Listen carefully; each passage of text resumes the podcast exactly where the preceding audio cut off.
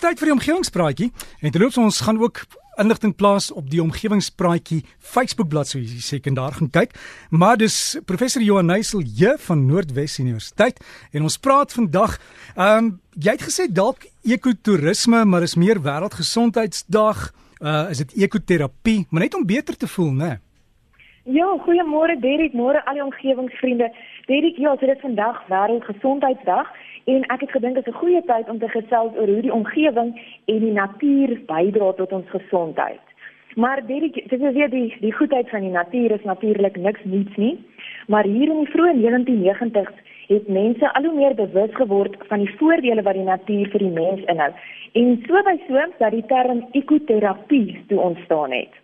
Nou ekoterapie is 'n natuurgebaseerde metode wat daarop gemik is om mense se fisiese en geestelike welstand te verbeter. So daar is baie forme van ekoterapie waaroor ek myself nou nie kan uitlaat nie, maar wat ek wel weet en wat ek graag vandag met julle wil deel, is dat die wetenskap baie duidelike bewyse toon van hoe voordelige impak die natuur vir die mens het. So ja, ek het gedink dat ons 'n bietjie gesels oor hierdie voordele. En ehm um, die eerste studie wat die wetenskap toe nou in hierdie rigting gestuur het, was die navorsing van 'n dokter Roger Ulrich in 1984. Nou hy het bewys dat hospitaalpasiënte vinniger herstel as die pasiënte se kamers 'n uitsig oor die natuur gehad het in vergelyking met die pasiënte wat uitsigte oor baksteenmure gehad het. En sedertdien is daar toe nou verskeie studies wêreldwyd wat hierdie gesondheidswaarde van die natuur bevestig het. En dan ja, onder andere kan 'n blootstelling aan die natuur hipertensie en kardiovaskulêre siektes verminder en daar is gevind dat mense wat tyd in die natuur spandeer het, meetbaar laer kortisol vlakke het, asook 'n laer hartslag en laer bloeddruk. En verdere studies het weer gedui op betere of beter slaappatrone, beter immuunstelselsfunksies, 'n laer dose stresverwante versteurings En dit alles bloot as gevolg van die tyd wat in die natuur deurgebring is. En dan nou interessant 'n meer onlangse studie van die Northwestern Universiteit in Chicago het aangetoon dat dit veral voordelig is om soggendtyd in die natuur te spandeer. En so min as 'n halfuur van sonblootstelling voor middagete kan genoeg wees om liggaamsgewig te verminder en vetsug teen te werk. Johanna, uh, uh, ja. ek wil net daar sê as jy die diere dop in die oggend die voeltjies sit op die draad in die son. Honde sit op die stoep in die son. So hulle weet iets van daai oggendson, hè?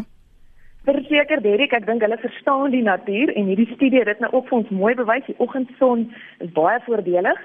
En uh, die ander ver, uh, verrassende voordeel Derek was dat uh, om tyd in die natuur te spandeer 'n verbetering in ooggesondheid tot gevolg gaan hê. So ons sien deesdae 'n toename in visieprobleme veral by kinders natuurlik en een moontlike rede is dat aan kinders en mense baie tyd op 'n rekenaar of 'n TV-skerm met kunsmatige lig bestee. So die navorsing het bevind dat kinders wat ten minste 2 ure per dag buite speel of buite spandeer, 4 keer minder geneig is om bysiende te wees. So dit was nou nogal vir my interessant. Maar um, ja, verder het sien ons ook daar studies deur die Universiteit van Kalifornië wat wys dat Alzheimer pasiënte se simptome verminder nadat hulle tyd in tuine spandeer het of nadat hulle blootgestel was aan 'n tuinbouterapie. En soortgelyke se vind dat kinders met ADHD 'n vermindering van simptome ervaar het nadat hulle tyd buitens huis spandeer het. So Derek, ja, ek is seker as jy hierdie studies in ag neem, dan verstaan ons hoekom daar in Japan deur die mediese planne voorgeskryf word dat ons met tyd in die natuur spandeer. So dis iets wat ons nog aan moet dink so wêreldgesondheidsdag. Uh, Jonas, jy kan terugdink. Ek onthou jare gelede as jy by hospitaal gekom het, uh, dan het hulle vroeg in die oggend ook almal uitgestoot hulle beddens en net daai bietjie oggendson gegee en later weer ingestoot.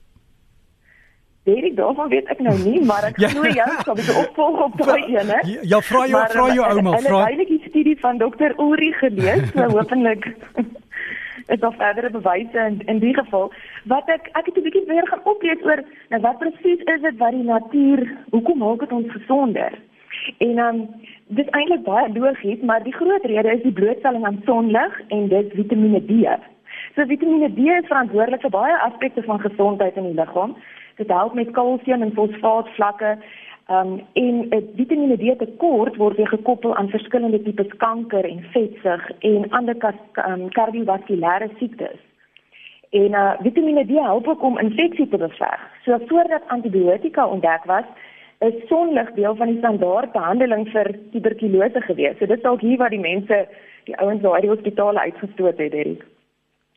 Um en dan die ander ding is natuurlik alhoewel Vitamiene D beskikbaar is as 'n in 'n aanvullende vorm so wat ons kan inneem, neem sommige mense se liggame dit nie effektief op nie.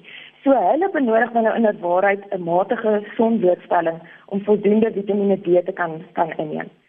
En dan nou behalwe vir die Vitamiene D, bied die natuur ons natuurlik vars lug. En dit bekend dat die binnehuise lugkwaliteit dikwels tot 70 meer keer meer besmet is as buitelug. En as mens nou dink aan hierdie oorvloed van chemikalieë en plastiek wat ons in ons huise inbring, dan kom mense gereeld in kontak met tot 6000 verskillende chemikalieë. So ons binnehuise lug is dikwels droog en besmet en het 'n tekort aan wat hulle noem negatiewe ione.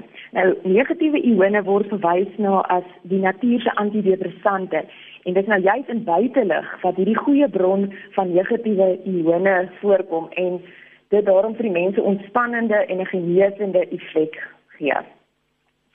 Ehm um, Derek en dan ja, ek het gelees ook in die week uh, Tracy McRoberts is die bestuurder van die Wildlife Trust. En sy het dit vir my baie mooi saamgevat. Sy het gesê ehm um, die die natuur is nie 'n wondermiddel vir siektes nie. Maar as ons saam met die natuur werk en tyd daarin spandeer en dit ervaar en dit waardeer, dan kan ons regtig hierdie voordele van die natuur optimaliseer en sodoende gelukkiger en gesonder lewe. So dit sluit ook sommer aan by my groen gedagte hier op wêreldgesondheidsdag is dat die omgewing is 'n baie waardevolle geneesmiddel tot ons beskikking. En ja, dit is nie vir niks dat die psalmdigter die lof van die natuur so besing het nie, nê? So ek dink omgewingsvriende, ons moet almal probeer om meer tyd in die natuur te spandeer, soos met gaan stap of maak tuin of gaan sit iewers rustig en bewonder maar net hierdie grootheid en hierdie goedheid van ons omgewing.